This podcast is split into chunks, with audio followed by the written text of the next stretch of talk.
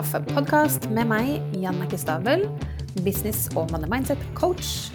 Heng på for en prat om businessstrategi, penger og money mindset, og ikke minst det å sjonglere businessen vår med livet ellers.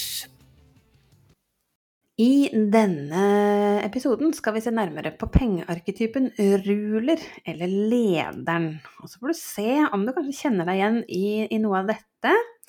Ruler kan ses på som det, the empire builder, som lever for at alle skal blomstre, altså både en selv, men også de rundt en.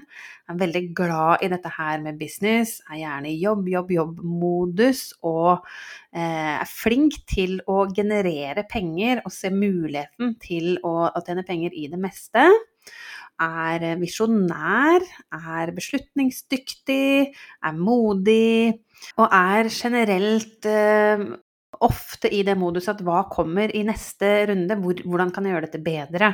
Hvordan kan jeg ta dette videre? Hvordan kan jeg tjene penger? Typisk ruler energi.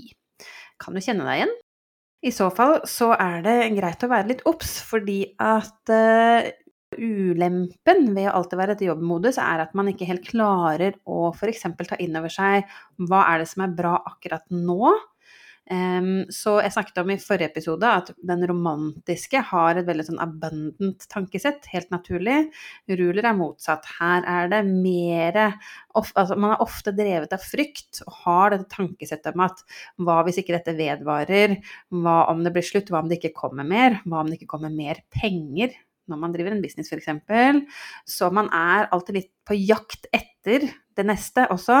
Klarer ikke stoppe opp og ta inn at det, det jeg har nå, er bra. Eh, og litt det derre kan fort generere stress da, når man er i et tankesett hvor mm, hva er neste? Hva, kommer det mer? Er det nok eller ikke? Når man har et litt sånn lack mindset, det kan være en typisk ruller, og det genererer stress. Og da er man litt over på skyggesiden, så man må være litt oppmerksom. Det gjelder jo for så vidt alle, alle pengearketypene. Man har jo både måte, si, gavesider og, eller styrker, da, og, og skyggesider eller mer sånn utfordringer og ulemper. Så, så, det å stoppe opp litt nå og reflektere litt om, om, du kanskje har ruler energi, og hva er det du trenger, spesielt hvis du er over på skyggesidene. Hvordan kan du kanskje få inn et litt mer tankesett rundt at ja, det, er, eh, det kommer mer, det er bra, eh, og ikke hele tiden jakte etter det neste. Og jeg har ruler på nummer to, og kan lene meg litt da på den romantiske som jeg har som nummer tre, for der er, er tankesettet litt mer sånn at det ordner seg. Det, det går seg til, og det, det, er mer enn nok. Og at jeg kan lene meg litt inn i den der litt mer stressfrie tankegangen til den romantiske. Så, så, litt avhengig av hvem du har, altså i kombinasjon på topp tre, så, så, så se på nå styrkene og, og, ulempene eller svakhetene, og, og, hvordan du kan spille de gode eh, opp mot hverandre. Det er jo hele poenget, sånn at du skaper en, en business som er si, enklest mulig for deg å drive, og mest mulig autentisk for deg. Men du er veldig en sånn naturlig leder og har veldig passion um, i det å drive business når du er ruler. Og den derre evnen til og passion rundt det å løfte andre opp og frem, det kan jeg kjenne meg godt igjen i. Uh, det å, ja, som jeg nevnte, se at andre blomstrer, det, det er viktig for en ruler. Og når man er inne i styrkene sine, så gjør man jo det uten stress, med god besluttsomhet, går foran som en god leder og er god på å skape penger eh, og se mulighetene for vekst i en business. Og, og, igjen over på skyggesidene, det der å være litt sånn redd for kommer det nok, er det nok i framtiden. Hvis du f.eks.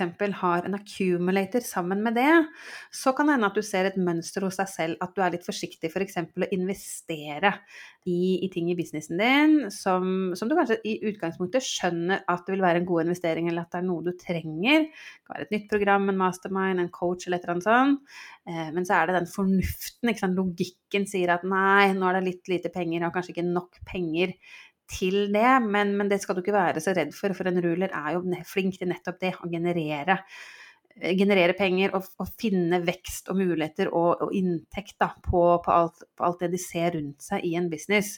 Så, så hvis du kjenner at du holder igjen, og du ja, ser at du har en accumulator, så må du kanskje være litt bevisst på hva er det verste som kan skje fokusert på hva er return on investment, f.eks. At ja, noen ganger så må man legge penger på bordet først for å faktisk få det tilbake i businessen din på et litt senere tidspunkt, når du har jobba med en coach som ja, skaper fremgang raskere enn du klarer å gjøre på egen hånd. Og fordi at du ofte altså du har en passion for det å drive business og er, sånn, er den der arbeidshesten, så trives du kanskje godt med å kjøre live-lanseringer f.eks. Og er ikke like opptatt av, eller avhengig av kanskje, å ha alt på automatikk eller å, å, ha passiv income, fordi at du bare du er generelt veldig glad i å jobbe. Det kjenner jeg meg, jeg meg veldig godt igjen i. Jeg, jeg, elsker lanseringer.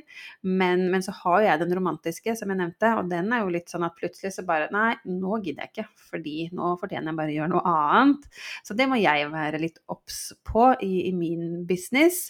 Så, så, igjen det der å se på sammenhengen og bare kjenne etter. Hvordan er det du driver din business mest mulig autentisk og enklest for deg? Det er det som er eh, viktig her.